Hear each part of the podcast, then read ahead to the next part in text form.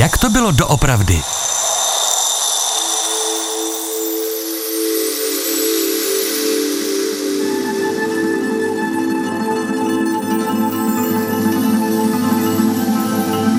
K otázce kultu osobnosti musíme přistoupit se vší vážností. Tuto otázku nemůžeme vynášet mimo stranu a tím spíše ne do tisku. Proto o ní referujeme na neveřejném zasedání sjezdu. Je třeba znát míru, neživit nepřátele, neodhalovat před nimi naše rány. Myslím, že sjezdoví delegáti správně pochopí a ocení všechna tato opatření řekl nejvyšší představitel Sovětského svazu v únoru 1956 Nikita Chruščov. Otázkou, tématem dnešního, jak to bylo doopravdy je, nebyl také Chruščovův projev mezi zakázanými texty v socialistickém Československu? Ze studia zdraví Ivana Chmel-Denčevová. Byla to pomyslná velká bomba, když takto soudruh Chruščov vystoupil? Otázka pro hosta pořadu, historika doktora Oldřicha Tůmu. Já bych řekl, že to dokonce bylo víc než bomba. Opravdu ten Chruščovův projev a jeho obsah znamenal úplný šok, jak pro sovětské komunisty, tak pro komunisty v satelitních zemích, ale pro celé mezinárodní komunistické hnutí. To opravdu nebylo mentálně jednoduché zpracovat a nějak se v té věci orientovat. Byl Orlem Hor, geniálním teoretikem, otcem národů, zakladatelem sovětského státu a socialistického souručenství národů, nejlepším z lidí, ne Bůh sám. Píše Pavel Tigrit v knize Kapesní průvodce inteligentní ženy po vlastním osudu a pokračuje. A když Stalin umřel, Celé národy Sovětského svazu se považovaly za sirotky. Komunistický svět byl ve smutku tak hluboce zasáhl kult osobnosti muže, který sám a jediný vládl obrovské říši přes čtvrtstoletí, přísně a krutě, jako neoblomný otec nezvedené rodiny. Pohřeb nemohl být slavnější a hysterický nával k poslední poctě mrtvého diktátora vystaveného v Kremlu byl takový, že 500 lidí prý bylo ušlapáno k smrti. V té době byl komunistický blok na počátku krize. Je potřeba si uvědomit, že Stalin považoval za nevyhnutelnou novou válku mezi komunistickým blokem a světovým imperialismem. Ta léta od roku 1945 byla z pozice Sovětského svazu charakterizována masivním zbrojením, které spotřebovávalo všechny zdroje a vedlo to k pádu životní úrovně. Konec konců hned na jaře 1953 propukly dělnické nepokoje v Československu a pak ještě ve významnější míře ve východním Německu. Čili těm jeho spolupracovníkům nebo následovníkům bylo asi zřejmé, že úplně takto není možné pokračovat, že není možné se orientovat na budoucí válku a používat vůči ovládanému obyvatelstvu jenom represe. Čili Chruščov byl teď v pozici, kdy si něco takového jako takový zásadní zlom mohl dovolit. Literární vědec Václav Černý ve své memoárové knize paměti píše. Chruščov dokázal rozeznat chvíli, kdy je nutné pustit chlup, abys zachránil kůži. Byl to lstivý, obmyslný ukrajinský mužik, v jistém smyslu geniální zachránce sovětského systému a jeho antistalinismus byl mistrovským úskokem mazaného politikáře. Konec konců, co zbývalo po Stalinovi jeho dědici a nástupci, jakou nadějí měl udržet socialismus v děsivé, slepé uličce, do které stalinismus vyústil, tváří v tvář milionovým hromadám mrtvol a cynické realitě nesčíslných lágrů koncentrovaných otroků, než distancovali se úvodem od učitele s velkým U a pomluvil jej pravdou.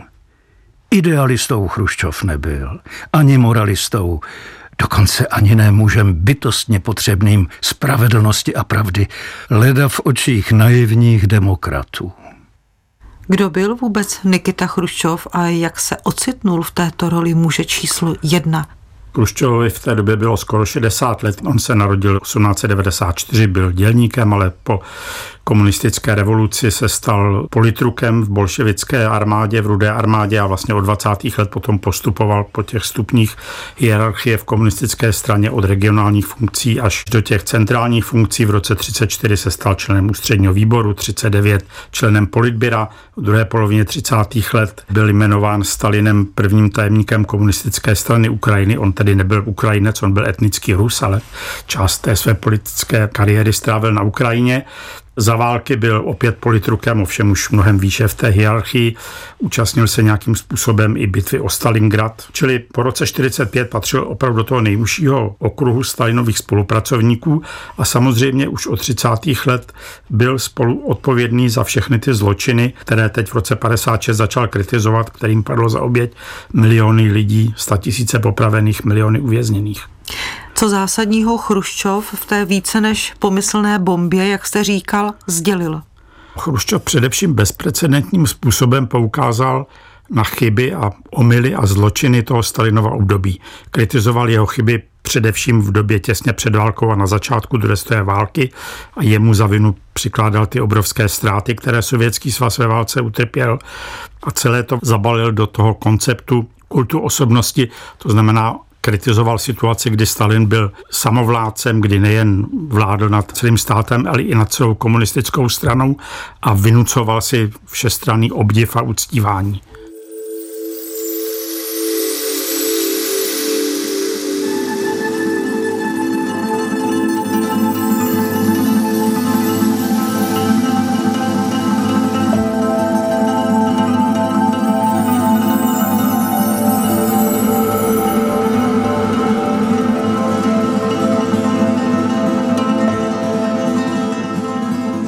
Co se událo v Moskvě, tedy bylo zcela zásadním imperativem pro celý komunistický blok, tedy i socialistické Československo.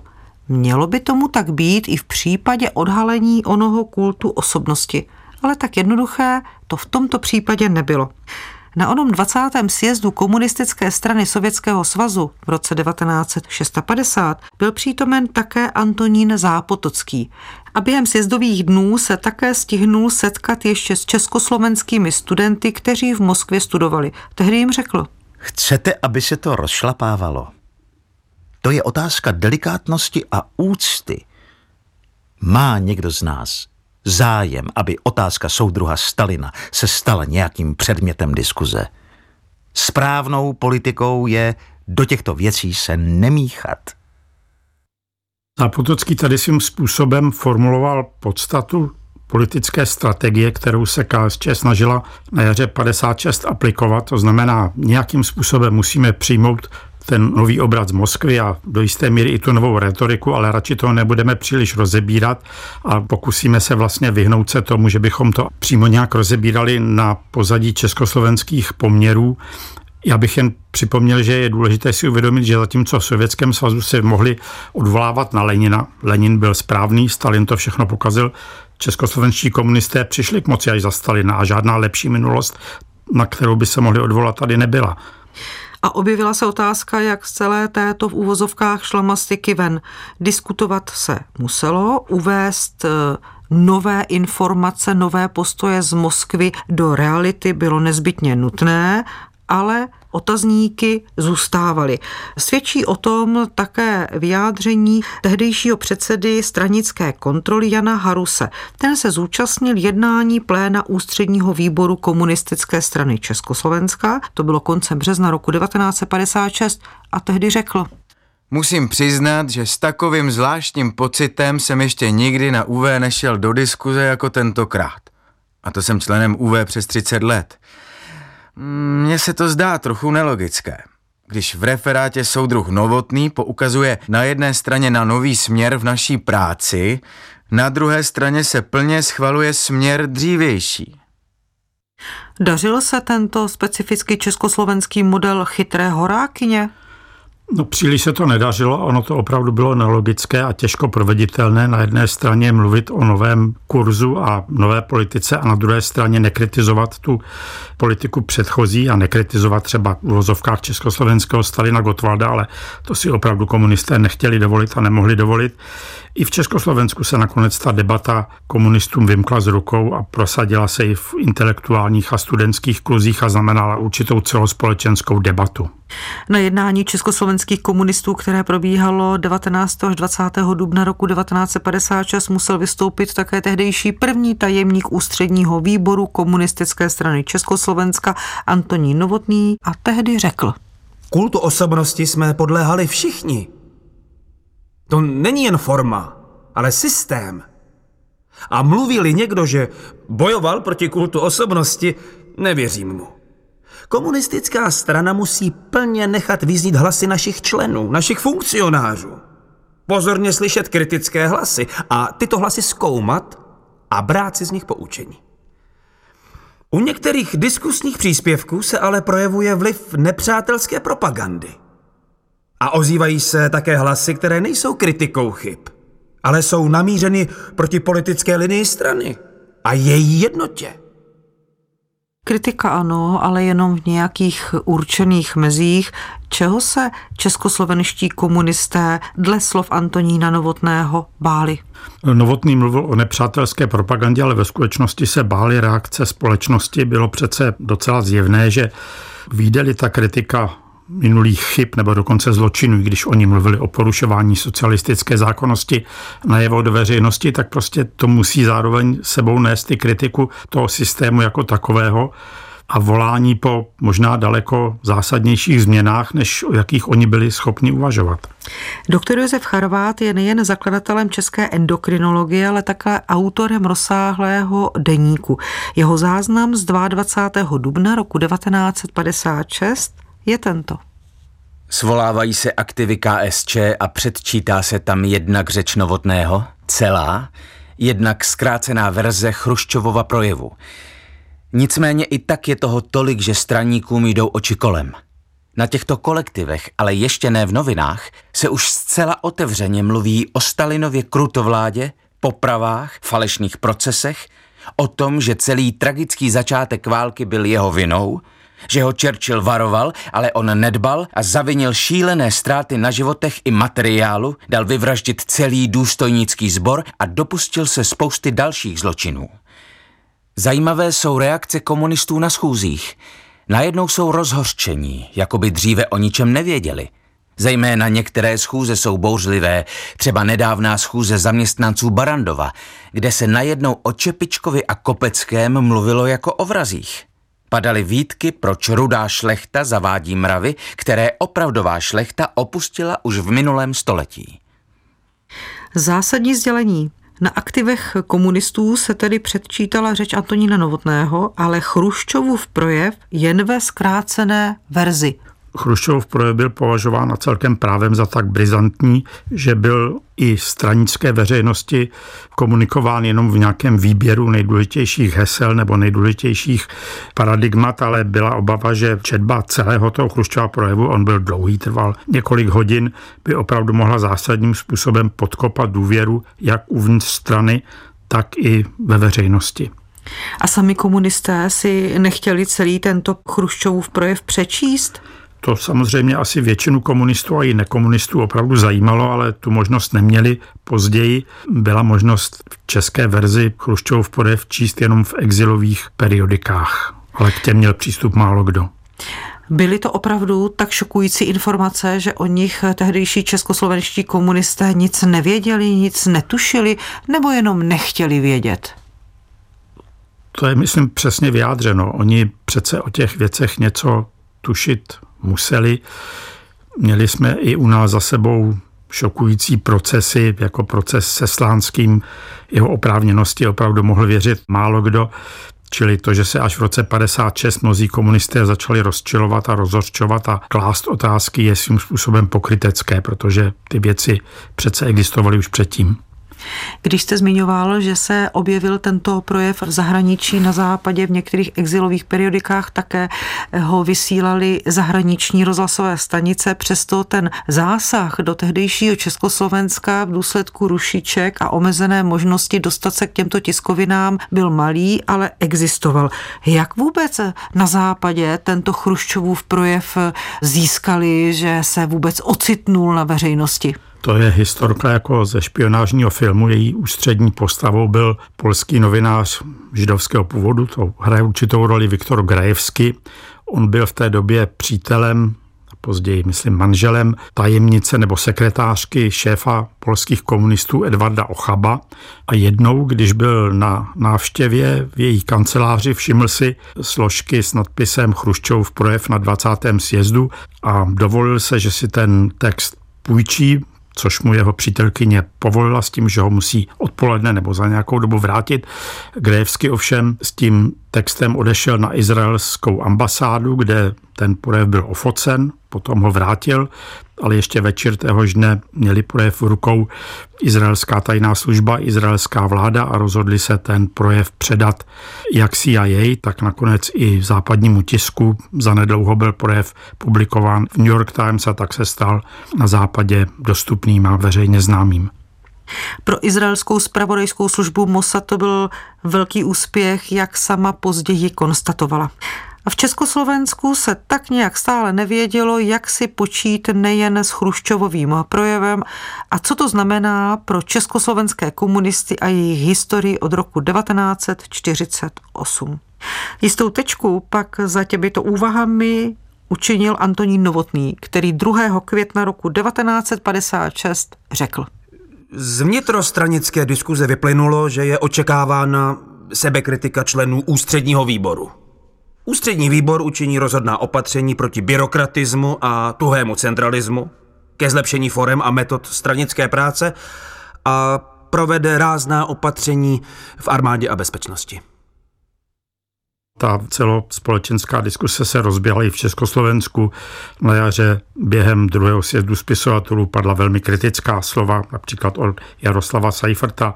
V květnu a červnu proběhly v Praze a Bratislavě studentské majálesy a studenti formulovali určité požadavky na změnu výuky a vůbec na změnu kulturní a školské politiky systému. V některých stranických organizacích se ozývalo volání po organizování mimořádného sjezdu strany, což by bylo asi v té atmosféře velmi nebezpečné. Nakonec se jakž takž podařilo tu situaci uklidnit a především v československém kontextu zlom znamenala reakce na maďarské povstání v říjnu a listopadu 1956 a to potom vedlo opět k určitému utužení poměru, které se začaly uvolňovat opět až počátkem 60. let. Přesto, když byla očekávána sebekritika, jak řekl soudruh Antonín Novotný, tak proč to vrcholní představitelé komunistů nevyslyšeli? Proč nevystoupili s nějakým sebekritickým pohledem? Oni s nějakou sebekritikou vystoupili především sami mezi sebou. Nakonec se odhodlali k takovému z jejich pohledu asi šikovnému manévru, že vlastně za hlavního vyníka těch nezákonností byl označen Rudolf Slánský, jediným z hlediska personální politiky jediným funkcionářem, který opravdu ztratil místo, byl Gotwaldův zeď Alexej Čepička, ministr spravedlnosti, minister národní obrany, ale jinak se nic velkého nezměnilo. Někteří vězni byli amnestováni především z okruhu těch eh, bývalých komunistických funkcionářů, ale k velké amnestii v Československu došlo až o čtyři roky později v roce 1960, čili ten vývoj byl opravdu hodně pomalý a s tou dynamikou vývoje v Sovětském svazu opravdu zaostával. Co na to říkala Moskva? Moskva a Chruščov osobně byl, myslím, s vývojem v Československu velmi spokojen a Novotného chválil a dokonce vyzdvihoval obratnou a úspěšnou politiku komunistické strany Československa právě v těch kritických dnech maďarské revoluce a říkal, a je to právě proto, že v Československu víceméně funguje ekonomická a sociální politika, obyvatelstvo je spokojené. A co na to tehdejší občané, obyvatele Československa, kteří byli tak dlouho masírováni tím, že ten Stalin je téměř bůh a najednou zloduch? Samozřejmě bylo to pro komunisty obtížné pochopit a nějakým způsobem vnímat. Pro většinu obyvatelstva to asi byl spíš důvod k určité škodolibosti. Stalin, kterému byl odhalen ten obrovský pomník na letné před pár měsíci v roce 55, najednou byl zločincem a ten pomník musel být eh, nakonec v roce 1962 zbourán pro některé, hlavně komunistické intelektuály nebo mladší komunisty, kteří to pořád ještě mysleli s komunismem upřímně a důvěřovali mu, to byl impuls k přehodnocení určitých postojů a ke kladení otázek, které svým způsobem potom vedly až k pražskému jaru 1968, ale to by byla dlouhá historie. Otázkou, tématem dnešního, jak to bylo doopravdy je, Nebyl také Chruščovův projev mezi zakázanými texty v tehdejším Československu a stejná otázka pro hosta pořadu, historika doktora Oldřicha Tůmu. On byl zakázaný, on byl především supertajný, čili nebyl veřejný, byl zakázaný, ale zakázaných nebo tajných a neveřejných textů v komunistickém období byla taková řada, že ten jeden prostě do nich také patří. Dobře, když si vybavíme například 2000 slov z období roku 1968, prohlášení charty v roce 1977, několik vět, to jsme v roce 1989, to byly texty, které vznikaly z nějakého jiného úhlu, opozičního, dizidentského prostředí, kdežto toto byl projev, text nejvyššího muže sovětské komunistické strany, která udávala rytmus a tón. A byl to text, který měl přinést nápravu poměru a začít novou lepší politiku. A přesto ten text byl považován za tajný a za tak riskantní, že nikdy nebyl zveřejněn. Kdy byl vůbec zveřejněn? Zveřejněn nakonec tak, aby byl každému dostupný, byl až po pádu komunistického režimu, čili v 90. letech. Pokud to zobecníme, jestliže komunisté usuzovali, že je potřeba projev nejvyššího soudruha z Moskvy utajovat, znamenalo to co? No znamenalo to, že si vlastně sami se svou historií nevědí rady a ono se jim to svým způsobem vymstilo. Konec konců třeba Jakeš ve svých pamětech právě o roce 56 mluví jako o zásadním zlomu, který byl zdrojem problémů, kritiky, nepochopení Možná, že měl svým způsobem pravdu, že to byl první takový okamžik, kdy se ta zdánlivě jednolitá stavba komunistického režimu v Československu začala drolit. A tím končí dnešní vydání pořadu Jak to bylo doopravdy. Mistrem zvuku byl Jan Brauner, hudebně spolupracoval Antonín Schindler a režii měl Michal Bureš. Ze studia zdraví Ivana Chmel Denčevová. K dnešnímu dílu, jak to bylo doopravdy, se můžete vrátit na webu plus.rozhlas.cz v aplikaci Můj rozhlas a také v dalších podcastových aplikacích.